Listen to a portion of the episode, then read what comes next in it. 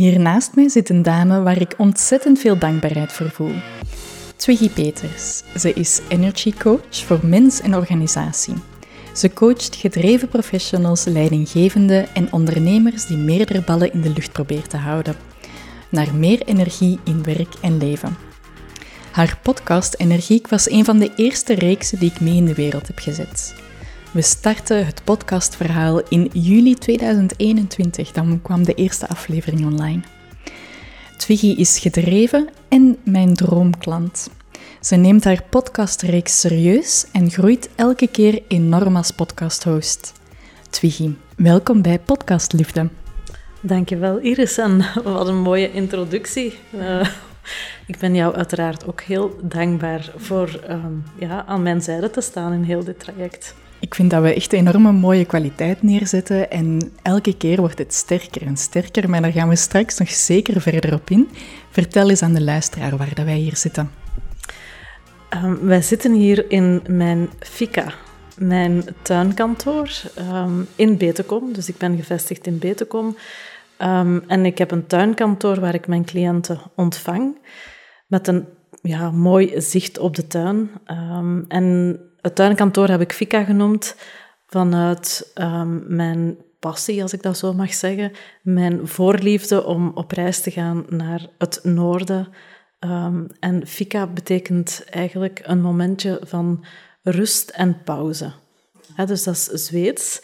En dat is wat ik mijn cliënten hier ook echt wil aanbieden, dat ze hier even kunnen neerdalen in een moment van rust en pauze. Ja, we zitten hier in uh, twee bruine leren zeteltjes, kijken uit op je mooie tuin en er is hier een eeuwig boeket naast ons. En we zien hier ook drie katten. Hè? Zijn dat uh, zwerfkatten of je eigen katten? Ja, het zijn niet alle katten die je ziet hier. ik, heb er, eh, ik heb er meerdere. Ik heb um, uh, drie zwerfkatten die elke ochtend en elke avond langskomen voor hun maaltijd super lieve katten. Um, ja, voilà. En die zitten hier in de tuin. Die kan je hier nu uh, zien zitten.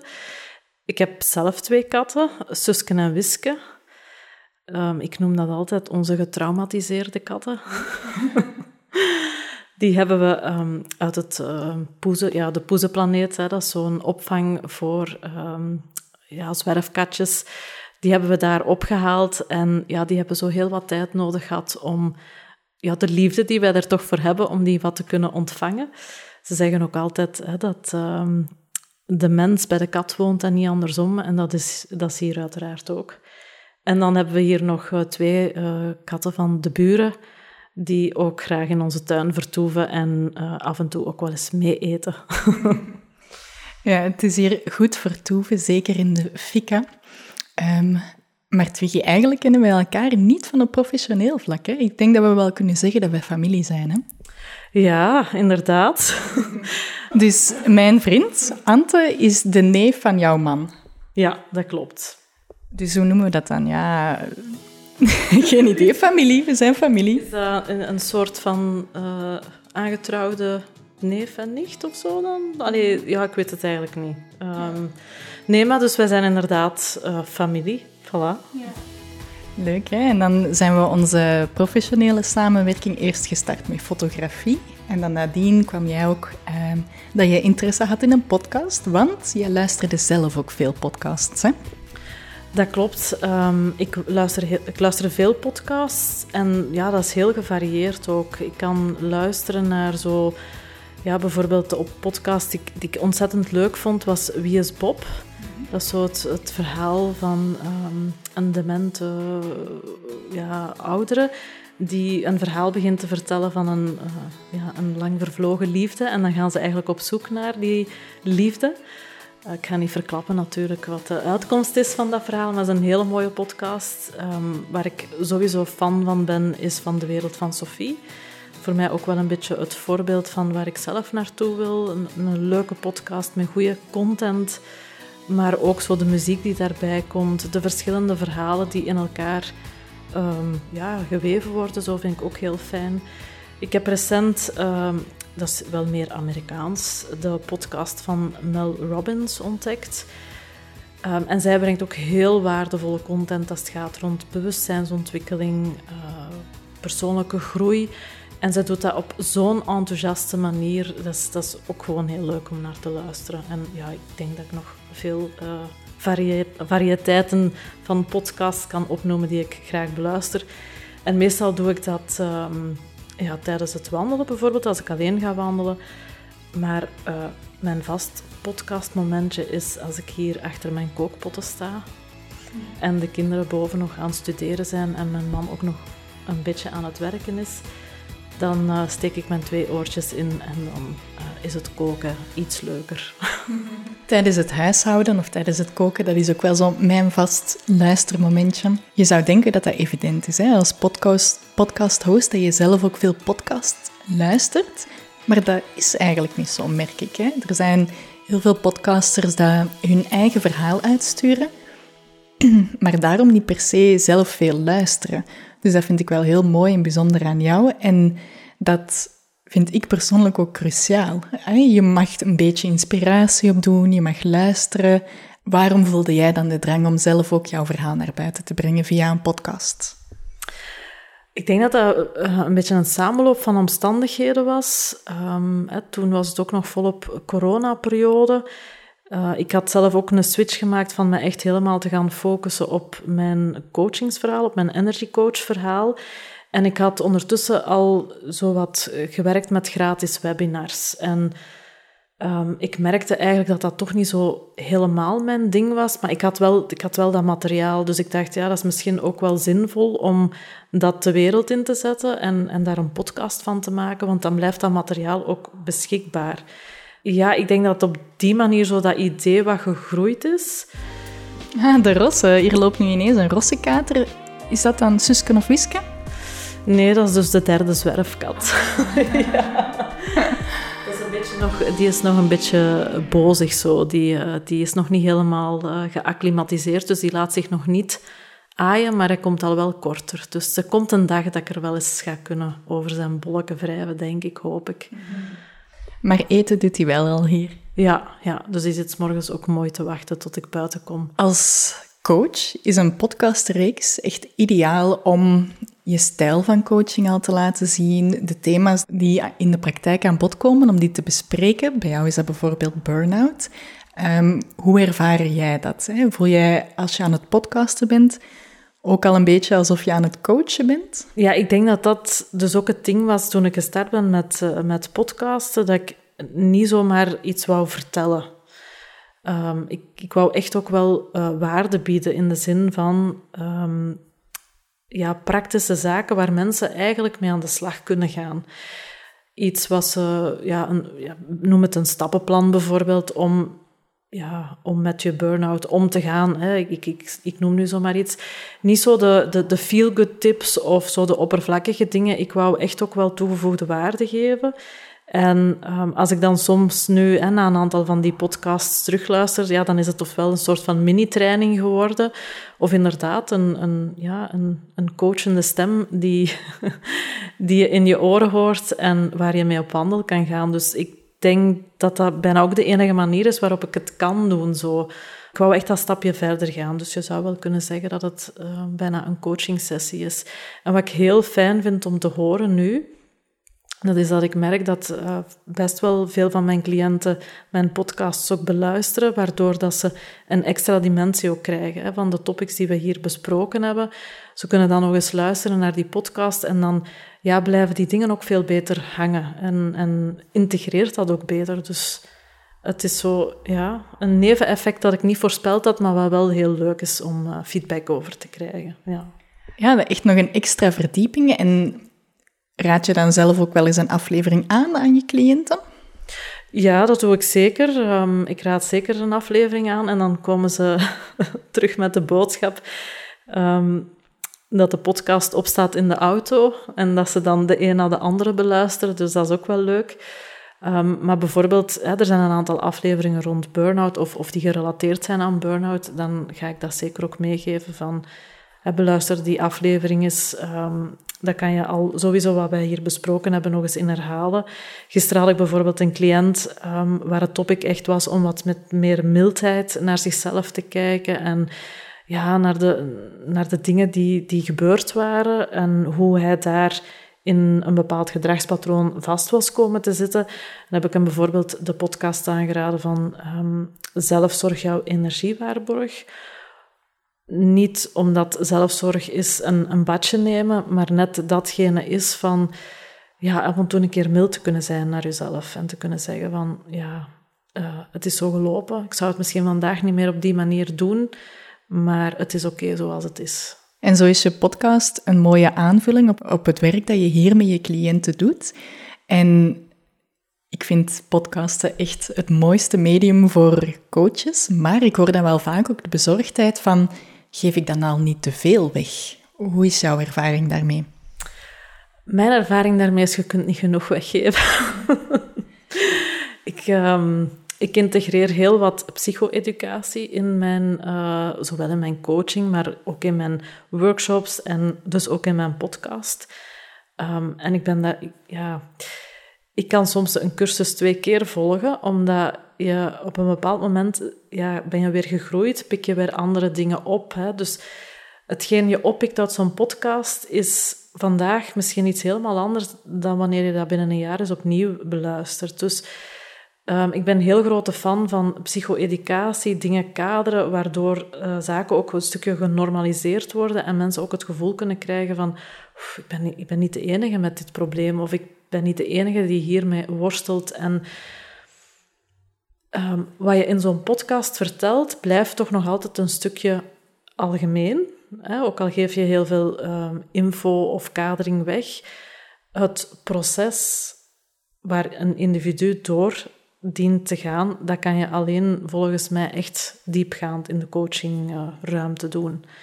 Dus uh, nee, ik denk niet dat je te ja, denk dat je niet snel te veel weggeeft. Je bespreekt de onderwerpen in je podcast, maar je coachings dat je hier doet, dat is echt ja, individueel, over de situaties, verhalen van die persoon individueel. Hè? Ja, en dat is, dat is eigenlijk het, het cruciale. Hè? Wat is het precies bij die persoon? Wat maakt dat hij dat gedrag stelt? Hè? Het gedrag is misschien iets gelijkaardig. Ik, ik, ik, noem maar iets. Iets wat vaak voortkomt is zo veel en hard werken en niet kunnen stoppen uit een soort van schuldgevoel. Maar de reden, de echte reden waarom iemand veel en hard werkt, daar zit een heel persoonlijk verhaal achter. En het is dat dat je moet um, ja, boven water krijgen, want dan kan je ja, dat doorbreken of daarmee aan de slag gaan. Of ook gewoon accepteren dat het zo is en dat dat ook oké is. Je hoeft niet altijd te veranderen. Mooi, ineens hier in Podcast Liefde ook nog wat coaching erbij, Twiggy. Dank u. Alsjeblieft, het is een tweede natuur geworden waarschijnlijk. Ik denk dat het ondertussen voor de luisteraar ook al wel duidelijk is, maar jij steekt enorm veel werk in jouw podcast. Jij geeft... Jij doet heel veel research. Jij wilt echt heel waardevolle onderwerpen neerzetten. En ook daar kruipt wel wat energie in. Ja, daar kruipt wat energie in. Um, maar ik denk niet dat ik het op een andere manier kan. Ik uh, heb misschien een beetje een allergie aan oppervlakkigheid. Daarom vind ik zo de wereld van Sophie bijvoorbeeld ook een hele goede podcast, omdat daar een onderwerp ook wordt uitgediept en vanuit verschillende invalshoeken je daar informatie over krijgt. En ja, dat vind ik zelf heel boeiend. Als ik een opleiding ga volgen bij iemand, dan, dan heb ik ook zelf die, die kadering nodig. Kapstokken waar ik dan nadien mee aan de slag kan. Dus ik vind zo die combinatie van een kader, een theoretisch kader, gekoppeld aan en hoe doe ik het dan concreet in de praktijk, vind ik de ideale mix. Dus dat probeer ik dan ook te bieden. Ja, mooi. En dan heb je ook een uh, sterke verhalen en een opbouw waar dat je eh, als kapstok waar dat je alles aan kan hangen. En wat ik ook super leuk vind aan jouw podcast, de podcast Energiek, is dat je afwisselt in formats. Dus soms heb je solo-afleveringen of echt diepte-interviews. Je hebt ook al wel eens een summer-episode-reeks gedaan. Hoe is dat voor jou, zo het afwisselen tussen verschillende formats? Ja, ik denk dat dat een gevolg is van mijn creativiteit. En ook van het, van het beluisteren van andere podcasts. Dan pik ik dingen op en dan denk ik, oh, dat is wel leuk, dat wil ik eigenlijk ook wel eens proberen. Zo, ik denk dat ik een generalist ben en ik hou van verschillende dingen. En dus ja, ook in mijn podcast hou ik van die uh, verschillende formats of verschillende aanpakken, ehm, vind ik het ook zelf fijn om af te wisselen. Ehm, en op die manier ook een stukje aldoende te ontdekken, ja, wat past nu echt helemaal bij mij? Of, of was nu echt uh, hetgeen dat werkt voor mij? Maar ik denk dat het vooral voortkomt uit een stukje ja, inspiratie, creativiteit, wat ik dan ja, graag mee experimenteer. Je bent ook gestart met de interviews, omdat je het toch in het begin wel moeilijk vond om helemaal alleen voor de micro te zitten en ook om je eigen stem te horen. Hè? Ja, ik vond dat in het begin heel, uh, toch wel akelig. Ik herinner me een van de eerste opnames, de eerste solo-opnames, zat ik op de slaapkamer omdat mijn kantoor toen nog boven was en het was examen. En of de kinderen lagen nog te slapen, ik weet het niet meer. En ik weet dat ik daar een hele voormiddag aan bezig was geweest om dat op te nemen. En dat ik zo, ja, uh, eigenlijk wat gevrongen zat. Van dat moet hier goed zijn. En, en, en dat was dan hè, een solo-aflevering. En dan dacht ik, ja, het is misschien inderdaad vlotter, makkelijker om met gasten te werken, want dan kan je zo weer wat meer op de achtergrond, weer wat meer in mijn comfortzone te vragen stellen en door te vragen, wat ik wel uh, heel graag doe. Um, maar dus, de gasten zijn er eigenlijk ook wel vooral gekomen weer vanuit die toegevoegde waarde willen bieden. Hè. Weten dat die iets ongelooflijk interessant, boeiend, zinvol te vertellen hebben um, en dat dan toe te voegen. Maar dan gaandeweg, en ja, daar heb jij mij wel heel goed bij geholpen, uh, Iris, ja, geef je ook wel de feedback van, maar met die gasten, hè, ja, raakt je eigen expertise wat ondergesneeuwd, dus het is ook wel belangrijk om jezelf in de verf te blijven zetten. En ja, dat is voor mij toch ook wel een trigger geweest van, inderdaad, ik heb ook zelf nog heel wat dingen die ik wil delen en um, ja, dus daar meer gewenning in te krijgen. En dus nu kan ik zeggen, mijn eigen stem horen, ja, vind ik geen probleem niet meer. Maar in het begin, uh, vreselijk. Ik heb uh, dictielessen gevolgd. Van alles. Om, uh, om het toch wel wat mooi en zuiver te laten klinken. En dan zei er ook eens iemand tegen mij, ja, maar ik hoor toch nog het liefste Twiggy. En dan dacht ik, ja, weet waarschijnlijk wel. Dus...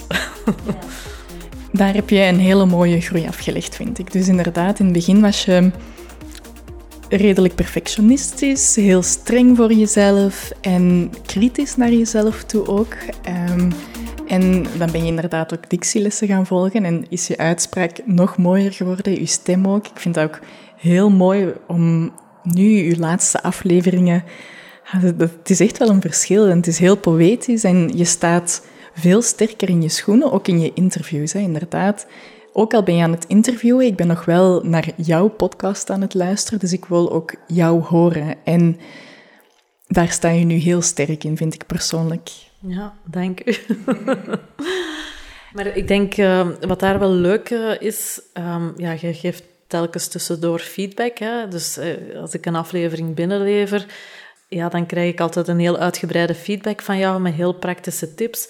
En ja, het is niet dat je altijd alles direct kunt toepassen, maar zo, dat blijft wel hangen. Hè. Dus je, ja. En dat vind ik zo het, het, het goede ook aan... En zo leer ik ook het beste door gewoon te beginnen, te experimenteren, feedback en bij te sturen en op die manier ja, de weg daarin te zoeken. En ja, een van de dingen van die afgelegde weg is inderdaad... Mijn eigen stem nu horen vind ik geen probleem niet meer. Hmm. Nee. En daarom werk ik ook zo graag met jou. Ik merk dat ook. Jij neemt mijn feedback ook serieus. Je neemt het op en dan soms in de montage dan is het zo even iets off-record. En dan, oh nee, nee, dat mag ik niet meer vragen. Of dat moest ik niet zo vragen. Dan denk ik, haha, ze luistert. ja, ja, ik luister. En wij luisteren ook heel graag naar jou en naar jouw stem. Jouw uh, diepte-interviews, je hebt al heel toffe gasten gehad, hè? Ja, ik heb heel uh, leuke gasten gehad. Ik heb een, een, uh, een korte compilatie gemaakt voor, op Instagram met zo het afgelopen podcastjaar. En daar hè, dan alle gasten in opgenomen. Um, ja, de eerste was Luc de Wulf, Philippe Bayeur, um, Hermina van Quali, um, Marijke Leijs. allemaal echt wel experten in hun vakgebied en allemaal iets te maken met persoonlijke ontwikkeling. En wat was uw mooiste herinnering, fijnste interview? Wat uh, blijft, gaat u van dit jaar het meeste bijblijven? Ehm, dat gaat zeker en vast het interview met Philippe Bayeur zijn. Ervaren gids in organisatieverandering. Ehm, maar meer nog dan dat, uh, als mens een hele fijne mens die ongelooflijk goed kan waarnemen, voelen, benoemen wat er ja, bij een mens of in, een organisatie of in een team gebeurt. Um, ik heb met hem samengewerkt ook, een heel leiderschapstraject gedaan uh, in een van mijn vorige opdrachten. En ik heb hem geïnterviewd. Um, eigenlijk was het het oorspronkelijke idee iets rond energie in teams, maar het is eigenlijk een verhaal geworden over uh, missie, spiritualiteit en zingeving. En ja, dat, gewoon tijdens het interview helemaal meegenomen worden in zijn verhaal, daarin getoucheerd worden, geraakt worden. Um, ja, en dat kan je allemaal beluisteren in de aflevering.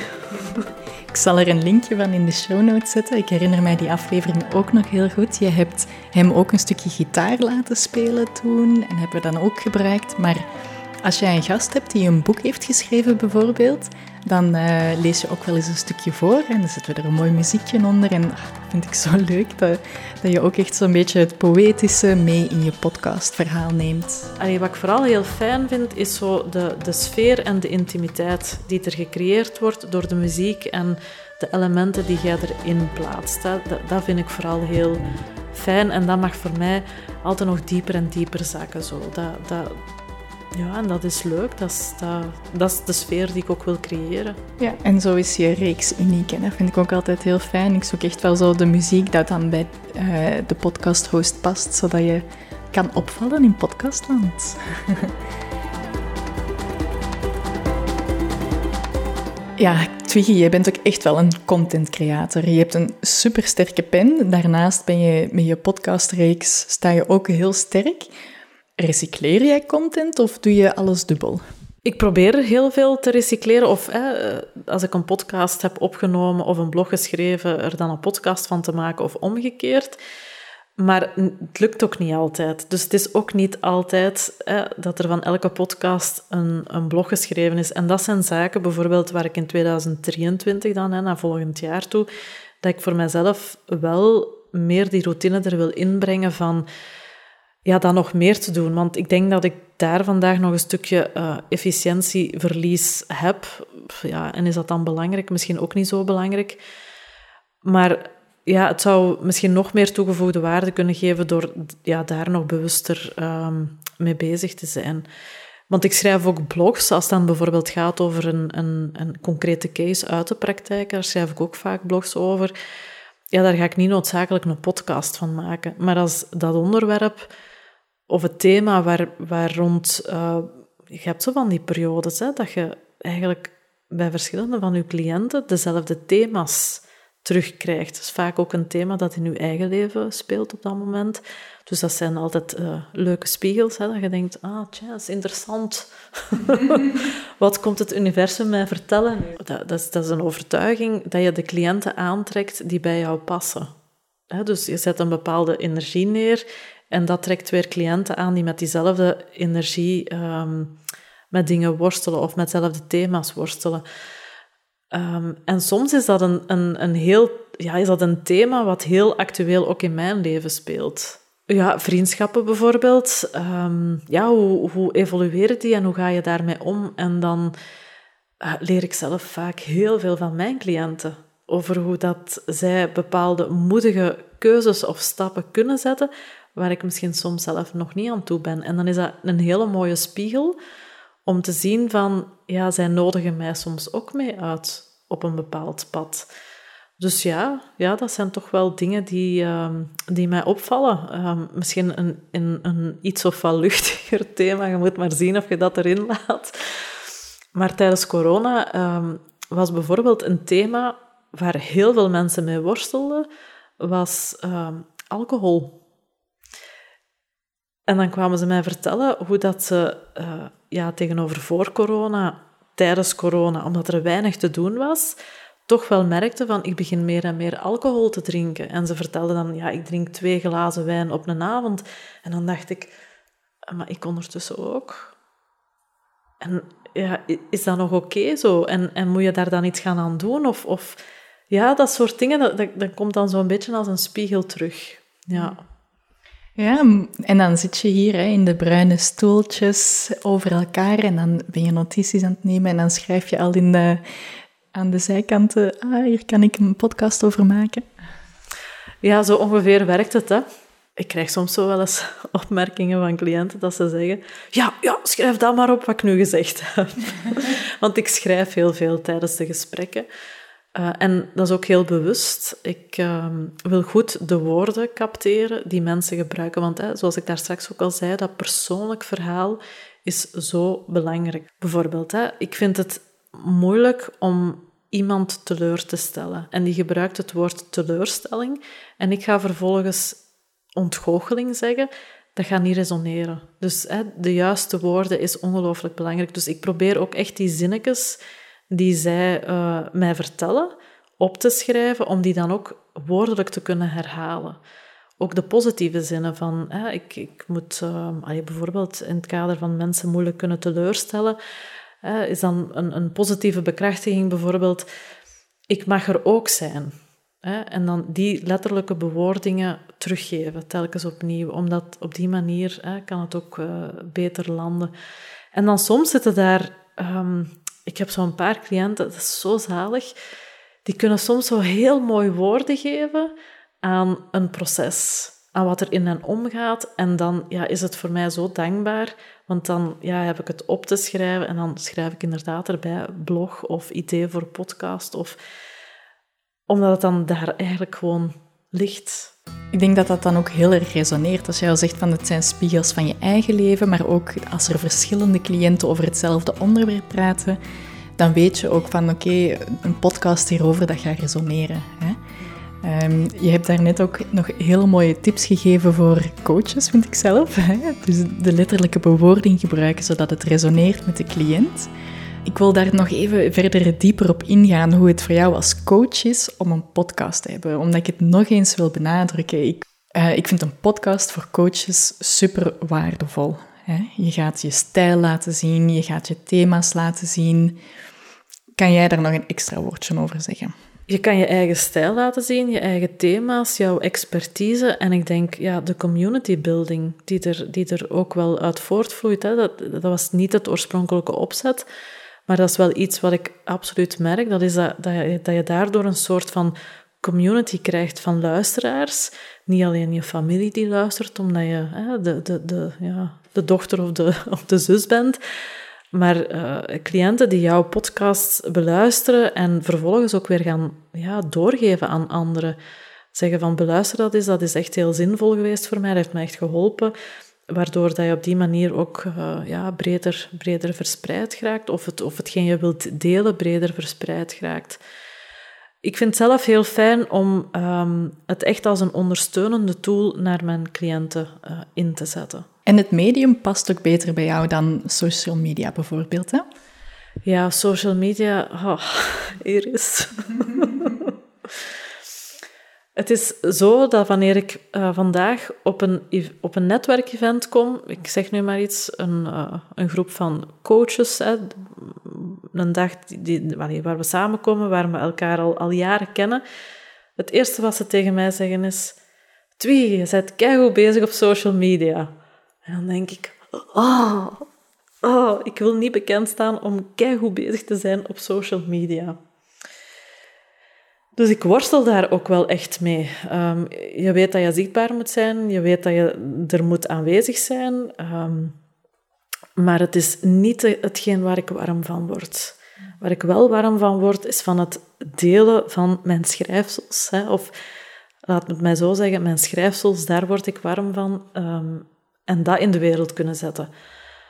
Maar niet zozeer social media. En op dat vlak uh, is bloggen zeker mijn ding en podcasting ook, omdat het net ja, die diepgang kan brengen die ik ook wil brengen. En het sluit misschien ook beter aan bij je doelpubliek. Dat klopt ook. Um, als ik kijk naar de mensen die op social media, of, of, als ik kijk naar de mensen die hier bij mij komen, heel veel van die mensen zitten niet op social media. Of hebben wel een account, maar zijn daar totaal niet mee bezig. Ja, dat klopt. En je bent ook supergoed bezig op social media.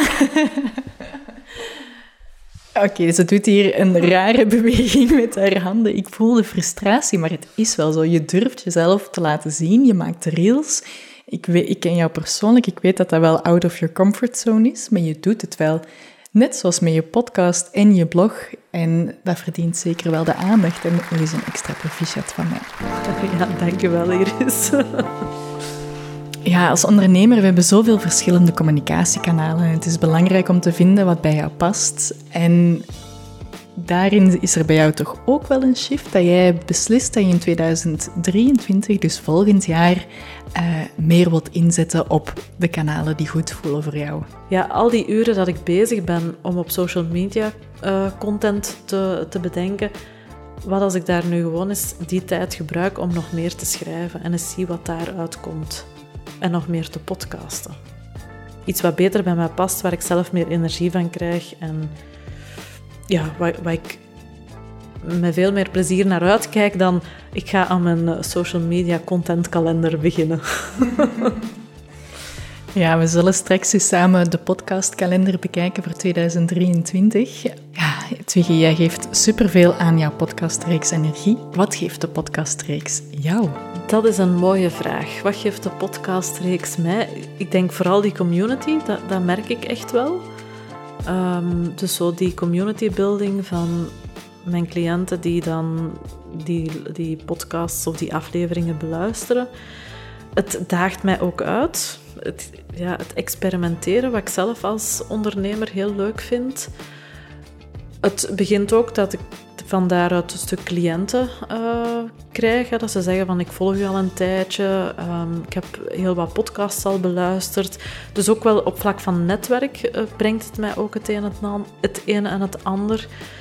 Maar ik moet eerlijk zeggen dat het vooral ja, een stuk vanuit een eigen plezier is dat het in de wereld gezet wordt. Ik ben nog niet zo fel bezig, maar daar moeten wij het dan ook nog maar eens over hebben. Over het uh, businessmodel achter de podcast. Ik vind dat juist heel krachtig, Twiggy, dat je start vanuit plezier, vanuit de waarde dat je wilt delen. En uiteindelijk loont dat ook wel. Ik weet wel, in het begin hè, is het altijd een beetje luistercijfers ophouden en geduldig zijn. Maar ondertussen, je eerste aflevering was in juli 2019 en ondertussen nu zijn we december 2022 en heb je 1833 unieke luisteraars gehad. Dat is niet niks, hè? Ja, dat, dat, dat, dat weet ik dus niet zo goed. Ja, dus 1833 unieke luisteraars, Twiggy. Uh, ja, dat, dat, dat, getal op zich hè, is, is heel um, groot. Ik ben daar ook ontzettend dankbaar voor, voor de luisteraars. Um, ik vind dat ook zo fijn als ik een berichtje krijg van iemand die zegt: Ik heb naar uw podcast geluisterd. Want dat is het ook. Hè. Je zit zo achter uw bureautje, in uw kokonneke, een podcast op te nemen. Vervolgens zet je dat in de wereld. En wat daar dan mee gebeurt, it's out of your hands. Ja, dus als ik dan hè, feedback krijg van iemand die geluisterd heeft en mij dan een, persoonlijk een berichtje stuurt, ja, dat geeft me dan enorm veel energie uh, om, om, ja, om dan er gewoon mee verder te doen. Hè. En zo ook in je contentcreatie. Hè. Kies thema's die bij je passen, waar je zelf gelukkig van wordt. Volg het plezier en dan volgt ook de rest wel. Daar ben ik van overtuigd. Ja, daar ben ik van overtuigd. En het is soms ook gewoon uitspreken, hè? wat jij wilt en waar jij plezier aan beleeft, zodat het ook meer en meer op je pad kan komen. Hè? Supermooi. En dan nu aan de luisteraar, hè, wil jij meer energie ook in je werk en leven? Ga dan zeker luisteren naar Energiek, de podcast van Twiggy, en geef ze maar een beetje positieve feedback. Dan gaat ze nog meer creëren. Dankjewel, Iris. en dan zullen wij eens in de podcastplanning duiken. Dankjewel om te luisteren en Twiggy, jij bedankt voor het interview. Iris, bedankt voor steun en toeverlaten zijn op mijn hele podcastreis. Oh, zo mooi. Nu begin ik te blozen. Dankjewel voor het vertrouwen.